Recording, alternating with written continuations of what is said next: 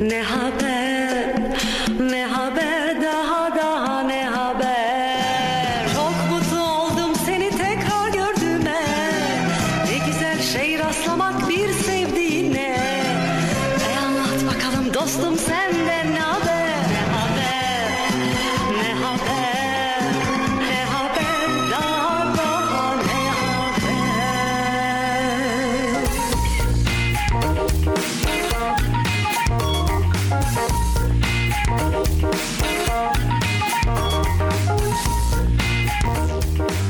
Yaşar Üniversitesi İnternet Radyosu Radyo'dan herkese merhaba.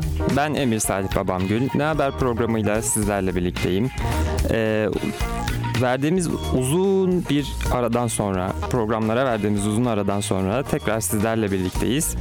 Ee, ve her perşembe saat 3'te e, programı sizlere sunuyor olacağım. Ee, Programda e, şundan bahsetmek istiyorum. Yani programın içeriğinde nelerden konuşuyordum, nelerden bahsediyordum, sizlere ne, neleri sunuyordum. Ee, bundan bahsetmek istiyorum. Ee, hafta hafta ilgimiz çeken haberleri e, sizlerle paylaşmak için buradayım. Burada olacağım. Daha önce olduğu gibi. Şimdi isterseniz çok fazla vakit kaybetmeden ilk haberimizle başlayalım. İlk haberimizi Antalya'dan vereceğim sizlere. Antalya'da yaşayan Abdullah Şimşek isimli abimiz e, adeta bir Tofaş hayranı ve e, 1994 yılında satın aldığı iki tane Tofaş Doğan marka e, aracını olduğu gibi hiç garajdan çıkarmadan, neredeyse hiç kullanmadan, kilometre dahi yapmadan saklamış ve günümüze kadar orijinalliğini korumuş araçlarının. Ee, ancak e, bir dost muhabbetinde diyeyim e, demişler ki işte kaç para verirsek senin arabayı bize satarsın. O da demiş ki 130 verirseniz olur. Hani zaten 130 bin lira 130 bin Türk lirası verilmeyeceğini düşünerek e, kendi aracına 130 bin lira verirseniz alın götürün arabayı kardeşim demiş. Sizin olsun araç. Önemli değil. Ee, karşısındaki kişi de e, kazandığı bir şans oyunundan kazandığı bir e, meblağ sayesinde demiş ki alıyorum arabanı. Orijinal araç zaten. Ve e, verdiği sözü tutmak zorunda kalan Abdullah abimiz de mecburen aracını satmak zorunda kalıyor. Eee Yani gerçekten uzun bir süre bugün satın aldığınız sıfır aracı garaja koyup e, yaklaşık hemen hemen 2050 yılına kadar beklettiğinizi ve e, sonrasında böyle bir durumda e, sattığınızı düşünün. Hani zaten o parayı vermezler dedikten sonra e, galiba bir hayli zor bu sürecin e, atlatılması da Abdullah abimiz için yani bizim açımızdan bakıldığında öyle görünüyor. Yıllarca e, kullandığı, kullanmadığı daha doğrusu sakladığı, gözünden esirgediği aracı e, laf ağızdan bir kere çıkar modunda. E, bana da kalırsa bana kalırsa da ucuz bir fiyata, oldukça ucuz bir fiyata. E, 130 bin Türk lirasına. Yani burada bahsettiğimiz araç değişensiz Şahin ve 1994 model. E, geçtiğimiz günlerde ben e, bazı ikinci el satış ilanlarında hemen hemen biraz altı fiyatlara Şahin satıldığını gördüm. Hatta med- medyada da haber oldu. Sosyal medyada da çok konuşuldu bu olay. Ve bana kalırsa ucuza gitmiş. Öyle diyelim bu haber için. Ee, satılan araç. Şimdi farklı bir habere geçelim. Ee, sizden çocukluğumuzda resim derslerinde çizdiğimiz güneşi hayal etmenizi istiyorum. Yani bazen dağın arasında kalırdı böyle. Ee, çizgiler çekerdik yanından ve e, güneşin ışığı hani hüzme olarak yüzümüze geliyormuş gibi hissettirdi. Bazen de tam gökyüzüne yuvarlak daire şeklinde çizerdik. Ve yine ışıkların gözümüze geliyormuş hissini yaratması için e, etrafına çizgiler çekerdik. Şimdi oradaki güneşi e, dört yol ağzı bir yola oturttuğumuzda araçların geçtiği e, ve bunu rampa maddesi olarak e, rampa yapılmada kullanılan daha doğrusu araçların e, ilerlediği esnada araçların yavaşlamasını sağlamak için konulan tümseklerden yapıldığını düşünün. Bu çemberin ve güneş sembolünün. E, dört yol ağzına konulduğunda e, geçen araçların o bölgede drift yapmamasını sağlamayı düşünmüşler İs- İstanbul'da. E, Sultan Gazi'de yapılmış bu. E, ve e, işe yarayacağı düşünülmüş ama bana kalırsa yani farkına varamayan bir sürücü buraya girmesi durumunda yani sürtünmenin daha e, aza indirgen, indirgenmesi sonucunda e, kaza da yapabilir ama e, umalım ki e, bu drift denemesi önceki haberde bahsettiğimiz Abdullah abinin arabasıyla yapılması. Sonuçta yıllarca koruyup kolladığı, sakladığı araç e, umarım böyle e, zorlanacak noktalarda bulunmaz. En, en- en acı şey e, herhalde Abdullah Şe- Şimşek'in böyle bir durumda aracını görmesi olur diye e, buradan da bağlayalım. Şimdi kısa bir müzik arasına gidelim. E, daha sonra sıradaki haberle tekrar burada olacağım. Müzik arasından sonra tekrar sizlerle birlikteyim. Ee, şimdi sıradaki haberimize devam edelim haberimizle. Ee, Bitcoin ve mining biliyorsunuz son dönemde çok fazla e, ilgi görülen ve yatırım yapılan alanlardan birisi. Ee, Türkiye'de de bu alanda yapıla, yapılan en azından denenmiş olan en büyük yatırımlardan belki de e, biri gerçekleşme aşamasında e, bir engelle karşılaştı. E, şöyle düşünün, neredeyse 10 milyon liralık bir bitcoin yatırımı yapıyorsunuz. Bunun için cihazlar alıyorsunuz vesaire. Bu cihazları bir fabrika alanına yerleştiriyorsunuz ve mining yapmaya başlıyorsunuz. Ve aylık kazancınız da neredeyse 500 bin Türk lirası olacak. Yani 20 ay gibi bir süreçte aslında elinizdeki cihazların parası size geri dönmüş olacak. Ama burada karşınıza çıkan engel yani düşündüğünüzde sizce ne olabilir? Evet. Eğer düşündüyseniz ve bulamadıysanız buradaki sorun kurulan bu tesisin aslında daha önce mühürlenmiş yani kullanıma yasaklanmış bir fabrika tesisinde kurulması ilk pürüz diyebiliriz. Daha sonraki e, pürüzse bu tesisin aslında kaçak elektrikle çalışıyor olması. Biliyorsunuz ki miningde bir hayli fazla elektrik yiyen cihazlar kullanılıyor. Ekran kartları kullanılıyor. Grafik işlemciler kullanılıyor. Ve bu kullanılan grafik işlemcilerin piyasa değerinin 10 milyonluk cihazlar olması yani tahmin edersiniz ki bir hayli fazla olması anlamına geliyor. Yani düşünemeyeceğiniz kadar fazla e, elektrik yiyor. Neredeyse fabrika sahasına kurulmuş bir fabrika kadar elektrik harcayan bir tesis kurulmuş. Ama Kocaeli'de jandarma ekipleri kaçak elektrik e, kullanımı şüphesiyle baskın yaptığı e, mühürlenmiş fabrika sahasında bu tesisi görüyor. Tesisten görüntüler var harici olarak. Böyle çok fantastik bir görüntü aslında tarif e- e- edeyim dilim döndüğünce size. Bir alan düşünün, büyük bir alan. E, ekran kartları konulmuş ya da mining cihazları diyeyim direkt daha doğru olur. Bunlar biraz ışıklı yani genel olarak hepsi yeşil ışıklı ve e, böyle film setlerini aratmayan bir görüntü var aslında tesis içerisinde. 10 milyonluk 10 milyon liralık mining cihazını fabrikada kullanarak ve kaçak elektrik kullanarak eee, aslında bir nevi çöpe atan bir yatırımcı görüyoruz burada da.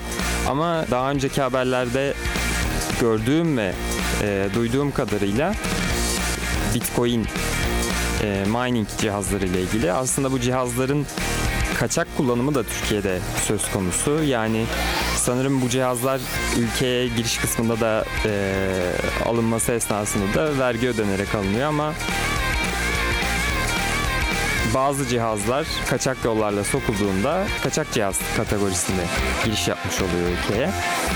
Sanırım buradaki 10 milyon liralık eee, Bitcoin cihazları da e, haberde belirtilmemiş ama kaçak aynı zamanda. Yani kaçak olmaması durumunda yasal bir şekilde sahibi eğer kuruyor olsaydı bu tesisi e, getirisi gerçekten sizin de duyduğunuz gibi çok iyi. Yani aylık e, 500 bin Türk lirasını miningden kazanabiliyorsunuz. Böyle diyeyim.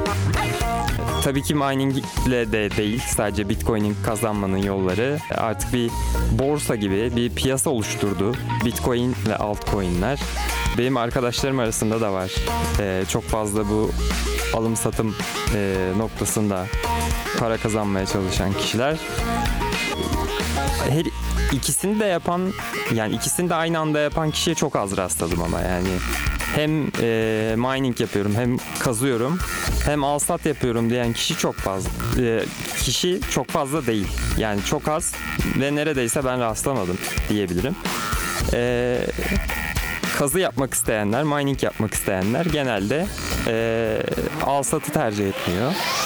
E, coin alıp satan kişiler de genelde e, kazma noktasında e, kazma yönüne, mining yönüne çok fazla sıcak bakmıyorlar. E, bu da e, Bitcoin ile ilgili haberimizdi. E, şimdi kısa bir müzik arasına gidelim. E, podcast olarak dinleyenler için hemen 5 saniyelik bir ara ve sonrasında buradayız.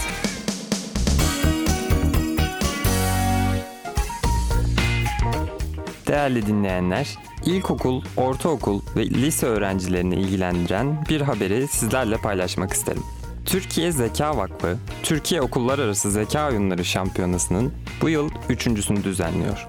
Türkiye genelinde faaliyet gösteren devlet okulları ve özel okulların takım olarak katıldıkları zeka ve akıl oyunlarından oluşan şampiyona, öğrencilerin düşünme, karar verme ve problem çözme becerilerini geliştirerek onlara yardımlaşma ve takım çalışması alışkanlıklarını kazandırmayı amaçlıyor.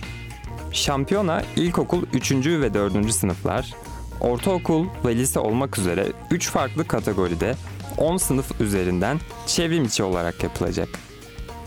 Sınavlar il finalleri, bölge finalleri ve Türkiye finalleri olmak üzere 3 aşamada gerçekleştirilecek. şampiyona.tzv.org.tr adresinden yapılacak kayıt başvurularının 4 Ekim'de başladığını ve son tarihinin 18 Şubat 2022 olduğunu hatırlatmak isterim. Ayrıntılı bilgi için şampiyona.tzv.org.tr adresini ziyaret edebilirsiniz. Kısa bilgilendirmeden sonra e, sıradaki haberimizle de devam edelim. E, sıradaki haberimizde geçmeden önce e, aslında dronların ve insansız hava araçlarının e, hayatımızda ne kadar e, önemli e, bir yer tutacağını önümüzdeki yıllarda düşünmenizi istiyorum ve e, daha kolay düşünebilmeniz için bir fikir sunacağım şimdi. E, biliyorsunuz pandemi sürecinde evlere çok sipariş verdik ve e, eve sipariş getiren işte kuryeler, çalışanlar ve bu iş sektörü çok fazla büyüdü. Ve e, benim hayalime ve düşünceme göre de e, önümüzdeki dönemde belki de e, bu sipariş işlemleri bildiğimiz gibi işte motosikletlerle ve araçlarla e, şu anda kullanılan taşıtlarla değil de belki de dronlarla gerçekleştirilecek. Yani e, evde oturup siparişi verdiğimizde e, harici olarak evinde oturup e, bir drone operatörü olarak drone uçuran biri belki de bilgisayarın başında evinden çalışarak bize yaptığımız market alışverişini e, getirebilecek. Yani gelecekte olması muhtemel durumlardan ya da hiç ummadığımız bir teknoloji daha çıkabilir. Mesela ışınlanma. Bir anda isteklerimiz evimizin ışınlanma bölgesine iletilebilir. Bu da olabilir tabii ki. Ee, tabii ki ikincinin daha hızlı olması e, ümit ettiğimiz noktalardan biri. Ee, öte yandan e, insansız hava araçları ve dronlarla ilgili az önce bahsettiğimiz kaçak elektrik haberi e, sonrasında kaçak elektriği e, insansız hava araçlarıyla tespit etmeye başlamışız. E, Kars'ta özellikle kırsal alanda kullanılan e, kaçak elektriği önlemek için insansız hava aracı kullanarak e, bu kaçak elektrik kullanımını önlemeyi hedeflemişler ve e, kullanılan insansız hava aracı 45 dakikalığına havalanıyor. Bir termal kamerası var ve e, 45 kilometrelik bir alanda uçuş yaptıktan sonra iniyor ve termal kamera sayesinde e, kaçak elektrik kullanılan bölgeleri tespit ediyor ve ekiplere bildiriliyor. Sonrasında da ekipler kaçak kullanım gerçekleştirilen bölgede gerekli işlemleri uyguluyorlar. Önceki haberde e, olduğu gibi. Şimdi kısa bir müzik arasına gidelim. Sonrasında sıradaki haberle tekrar burada olacağız. Aradan sonra tekrar birlikteyiz. Aradan önce dronlar hakkında konuşmaya başlamıştık. Bir insansız hava aracından bahsetmiştik. Ee, şimdi de e, insansız hava aracı ve dronlarla devam edelim. Ee, hayır bu arada bir drone firmasına sponsorluk vesaire almadım yayın için. Ee, bugün biraz teknoloji ve e, insansız hava aracı ağırlıklı bir yayın oluyor ama e, tabii ki ilgimi çeken konular. E, bir radyo televizyon sinema öğrencisi bölümü öğrencisi olarak da e, bizim sektörümüzde de kullanılan bir cihaz e, drone e, çekimler için mesela önceden e, helikopter veya harici bir hava aracı uçurarak yapılan çekimler şu anda e, bir drone, ola, drone kullanılarak e, kolaylıkla gerçekleştirilebiliyor ama sadece e, bizim sektörümüzde kullanılmadığının kanıtları da tek tek önümüze düşüyor bu teknolojik cihazın. Ee, şimdi sağlık sektöründe kullanımından bahsedelim biraz. Ee, 2009 2019 yılında drone'la ilk defa bir e, drone'la ilk defa e, nakledilecek bir organ gönderiliyor hastaneler arasında ve e, bu organların taşınması sırasında daha önce denk gelmişsinizdir. Dakikalarla yarışılıyor. E, organın daha hızlı ulaşabilmesi için e, nakledilecek hastaya ve drone da tabii ki bu noktada e, hız anlamında e, önemli bir katkı sağlıyor. E, ilk e, transfer 2019 yılında Amerika'da gerçekleştirilmiş. E, geçtiğimiz günlerdekine daha nazaran daha e, ağırlık ve boyut olarak küçük bir e, transfer gerçekleşmiş o dönemde ama geçtiğimiz günlerde yapılan e, transferde Kanada'da Toronto şehrinde e, nakledilecek bir akciğer dünyada ilk kez e, drone hastaneler arasında gönderilmiş e, ve bu durum e, da kayıtlara bu şekilde geçiyor. E, ancak e, taşınması öncesinde de tabii ki büyük bir e, çalışma e, gerçekleştirilmiş. E, basınç farkı vesaire kutunun düşmesi durumunda organın zarar görmemesi için e, harici bir kutu üretilmiş ve kısa sürede yaklaşık 6 dakika gibi kısa bir sürede e, Toronto şehrinin içinde ki bir hastaneden diğerine kolaylıkla gönderilmiş. E,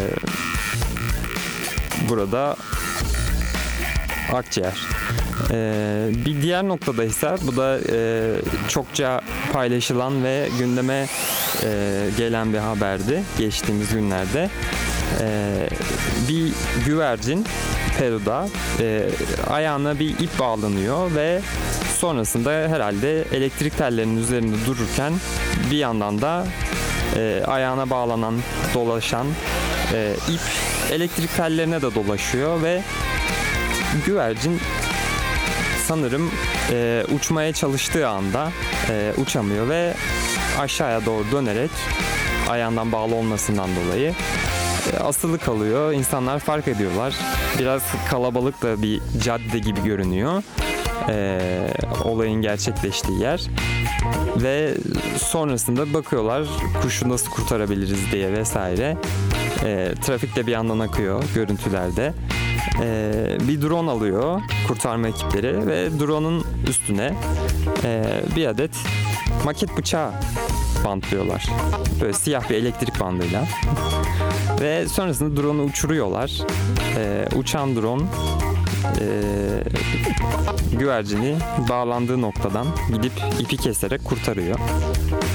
Sonrasında güvercin de e, tedavi ediliyor ve tekrar bırakılıyor.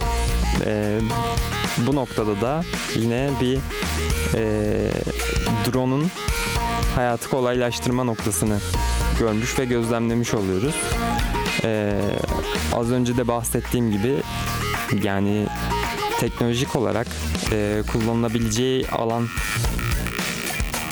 sayısı gayet e, fazla bir ürün. E, dronlar, insansız hava araçları. E, geçtiğimiz günlerde e, yanılmıyorsam bir e, sulama aracı olarak ya da tohum ekim aracı olarak e, çiftçilikte de kullanıldığını duymuştum. E, bu noktada teknolojinin e, yaşam şartlarımızı iyileştirdiğini ve alışkanlıklarımızı bu şekilde değiştirebildiğini, değiştirebileceğini gözlemlemiş oluyoruz. E, şimdi tekrar kısa bir müzik arasına gidelim. Daha sonrasında sıradaki haberlerle birlikte burada olacağım. Müzik arasından sonra tekrar birlikteyiz. Şimdi sizden e, çocukluğumuzda izlediğimiz Müfettiş Gadget çizgi filmini düşünmenizi isteyeceğim. Müfettiş Gadget ne yapıyordu? E, biraz ondan bahsedeyim eğer hatırlayamadıysanız.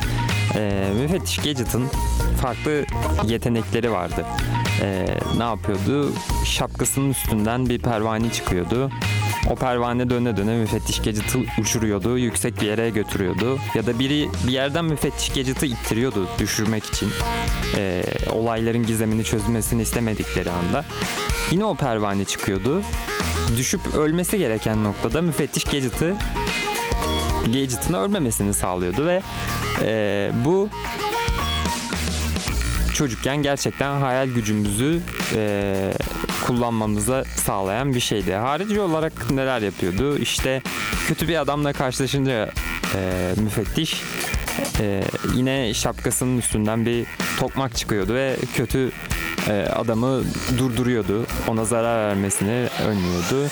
Ya da birinin yardıma ihtiyacı olduğunda o şapkanın üstünden e, harici bir e, ekipman çıkıp o an ne kullanılması gerekiyorsa e, yardım ediyordu.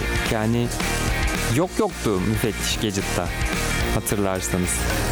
E, şimdi de müfettiş Gadget'ın adeta bir robot prototipini üretmeye başlamışlar. Yani belki de ilerleyen aşamalarda öyle olacağını düşünüyorum. Şu an e, o kadar donanımlı olmayabilir ama e, uçan robot Leo geliştirilen prototipin adı. Ee, Amerika Birleşik Devletleri'nde yeni bir model olarak geliştiriliyor Leo. Ee, gadget gibi uçabiliyor ve e, anatomik olarak baktığımızda bir insan gibi iki ayağı var ve ayakları üzerinde duruyor. Aynı zamanda e, uçabilmesini sağlayan kanatlar, yani kanatlar dediğim omuz bölgelerindeki bir insanın pervaneler gibi düşünün. Drone'da bulunan pervaneler gibi daha çok e, dengede kalmasını sağlıyor Leo'nun ve normal robotların yapamayacağı denge hareketlerini vesaire e, bu şekilde Leo yapabiliyor. Yani mesela çok rahat merdiven inip çıkabiliyor.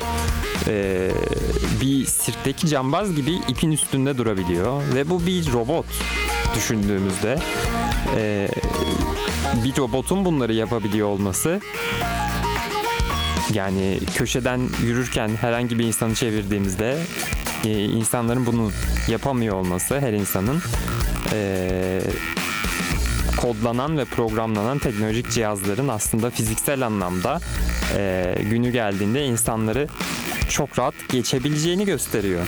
Güç anlamında, denge anlamında. Belki onlarca farklı alanda insanları geride bırakacak bu teknolojik ürünler ve farklı bir noktaya ilerleyeceğiz dünya olarak.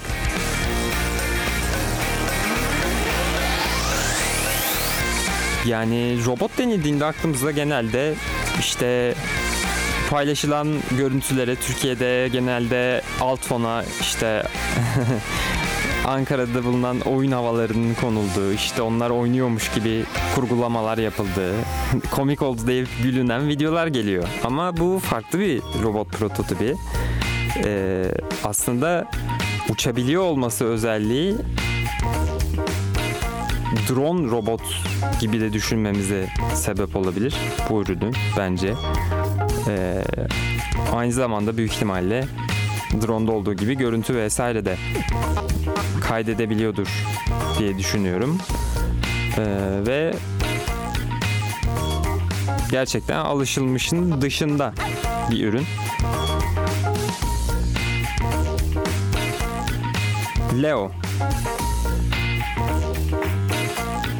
Aynı zamanda düşündüğümüzde diğer robotlarla karşılaştırdığımızda bunun e, bir artısı da Leo'nun bir artısı da zorlu bir arazide kullanılması durumunda yani sanırım diğer robotlar düştüğünde ya da yüksek bir yerden inmeleri gerektiğinde aşağıya çok kolay olmasa gerek onları yönlendirmek. Ama Leo'da bu durum bu şekilde işlemiyor. Yüksek bir noktadan uçarak aşağıya iniyor ya da yüksek bir noktadan uçarak yukarı çıkabiliyor. Drone ve robotu robotun birleşimi diyebiliriz bu prototip için. Dediğim gibi önümüzdeki yıllarda da belki gelişmesi ve geliştirilmesi sonrasında çocukluğumuzda izlediğimiz müfettiş çizgi filmindeki karakter belki de robot olarak karşımıza çıkacak. Kimdir belki dedektiflik, dedektiflik de yapar yani müfettişlik de yapar. Olay yeri gizemlerini de çözer bir robot olarak. Şimdi ee, kısa bir araya gidelim müzik arasına. Sonrasında ee, son haber için ee, burada olacağım. Aradan sonra tekrar birlikteyiz. Programımızın bu bölümünde dramatik bir olaydan bahsedeceğim size. Ee, yıllar önce gördüğüm ve e, hala haberlere konu olan bir olay. E, bu olayda 2017 yılında e, üretilen dünyanın ilk vatandaşlık sahibi robotu Sofya'dan bahsedeceğim. 2017 yılında e, Hong Kong merkezli Hanson Robotics e, şirketi tarafından üretilen Sofya'ya e, aynı dönemde Arabistan'da vatandaşlık verilmişti ve e, Sofya dünyanın ilk vatandaşlık sahibi e, robotu olarak tarihe geçmişti deyim yerindeyse ve e, sonrasında Sofya'nın medyaya belirli açıklamaları düştü. E, bu açıklamalarda e, Sofya evlenmek istediğini, bir aile kurmak istediğini, çocuklarının olmasını istediğini vesaire söylüyordu. 2017 yılında e, bu haber gündeme gelmişti. Geçtiğimiz günlerde yine e, haberleri okurken Sofya'nın hala e, bir eş aradığını gördüm ve e, dedim ki Sofya hala mı evlenemedi ya? Hani kaç yıl oldu? 4 yıl olmuş Sofya dedim kendi kendime. Ve e, bu noktaya değinmek ve buradan da teknoloji üreticilerine çağrı yapmak istedim Sofya adına. Konuştuk, dronları konuştuk, insansız hava araçlarını konuştuk. Başka neleri neleri konuştuk burada. Uçan robot, uçan drone, artık neyse Leo'yu konuştuk. O farklı bir tür. Onun bir adı değişir yakında diye düşünüyorum. Ee, ama lütfen yani onları üretiyorsunuz. Sofya'ya bir eş üretemediniz mi? Bunu soruyorum. En kısa sürede Sofya'ya bir e, vatandaşlık verilecek bir robot eş üretilmesini istiyorum. Sofya bu arada o dönemde şunu da belirtmiş söylemeyi unuttum. Kızım olursa demiş kendi adımı vereceğim. İlginç yaklaşımları da var Sofya'nın. Artık huyu huyuna, suyu suyuna bir robot üretimi bekliyoruz dünyadan Sofya'ya eş olarak. Belki bu Türkiye'de olabilir. Girişimlerimiz doğrultusunda niye üretemeyelim bir Sofya'ya bir eee, eş üretelim. Allah'ın izniyle gider isteriz artık. Ne yapalım? Sofya'da herhalde 4 yıldır eş arıyordu. Dünden razı olurlar diye düşünüyorum ama. Şimdi e, Sofya'nın eş bulamamasına e, değindik. Bir de öte yandan gerçekten dramatik bir e, haber dikkatimi çekti. Hindistan'da yaşanan bir e, durumdan bahsedeceğim şimdi. E, Hindistan'da bir adam eşini öldürmek için kobra kiralıyor. Yani bildiğimiz yılan olan e, zehirli kobra kiralıyor ve bunun için yani Türk lirası cinsinden 11 bin Türk lirası gibi bir para ödüyor. Ve bu adam öncesinde e, kobra kiralamadan önce e, bir engerek yılanı kiraladığı ve yine karısını öldürmeyi planladığı e, belirtiliyor. E, tabii o, o denemede başarısız oluyor yılan ve e, sonucunda karısını öldürtemiyor engeleye ama sonrasında alınmayan önlemler bana kalırsa e, sonrasında bu durum gerçekleşiyor. Durumda ise kobra e, adamın karısını zehirleyerek öldürüyor. E, bu da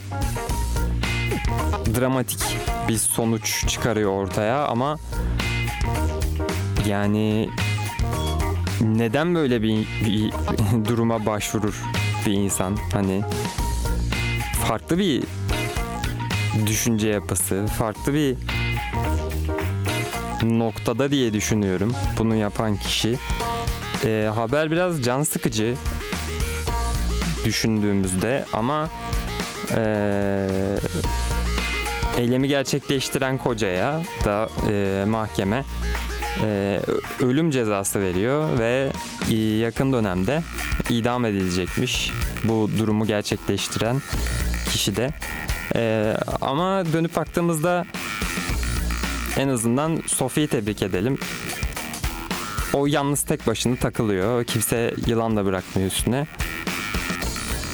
Sofya artık bu haberi du- duyduysa dinliyorsa beni e, belki kararını değiştirir mi değiştirmez mi bilmiyorum ama e, bu son haberde de dramatik bir gerçek anlamda dramatik bir ol- olaydan bahsetmiş oldum.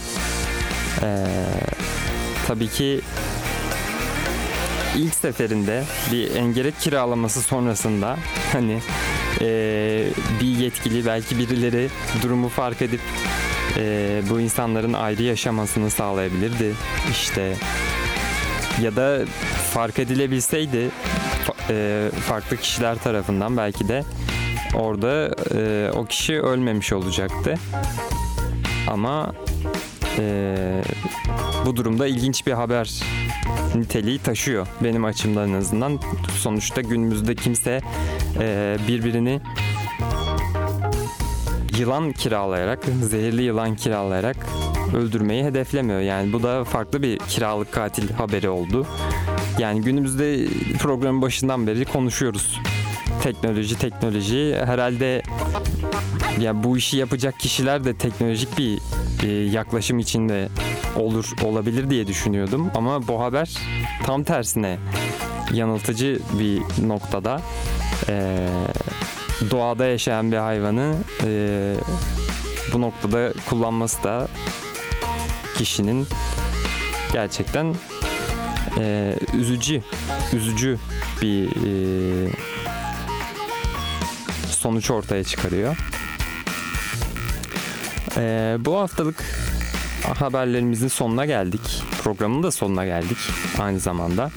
Önümüzdeki hafta Perşembe günü saatler 3'ü gösterdiğinde öğleden sonra ben yine burada Ne Haber programıyla sizlerle birlikte olacağım ve önümüzdeki haftanın haberlerini size aktarıyor olacağım, yorumluyor olacağım. program kayıtlarımızı Spotify, SoundCloud, Apple Müzik, Google Müzik e, gibi platformlardan da dinleyebilirsiniz. Aynı zamanda yayın saatinde e, Yaşar Üniversitesi İnternet Radyosu'nun sitesinden de yayına ulaşabilirsiniz. Bu haftalık yayın bu kadar. Önümüzdeki hafta görüşmek üzere. Kendinize iyi bakın. İyi haftalar diliyorum. Hoşçakalın. Ne haber? Ne haber? Ne haber daha daha ne haber? Çok mutlu oldum seni tekrar gördüğüme. Ne güzel şey rastlamak bir sevdiğine. E anlat bakalım dostum senden ne haber? Ne haber? out there.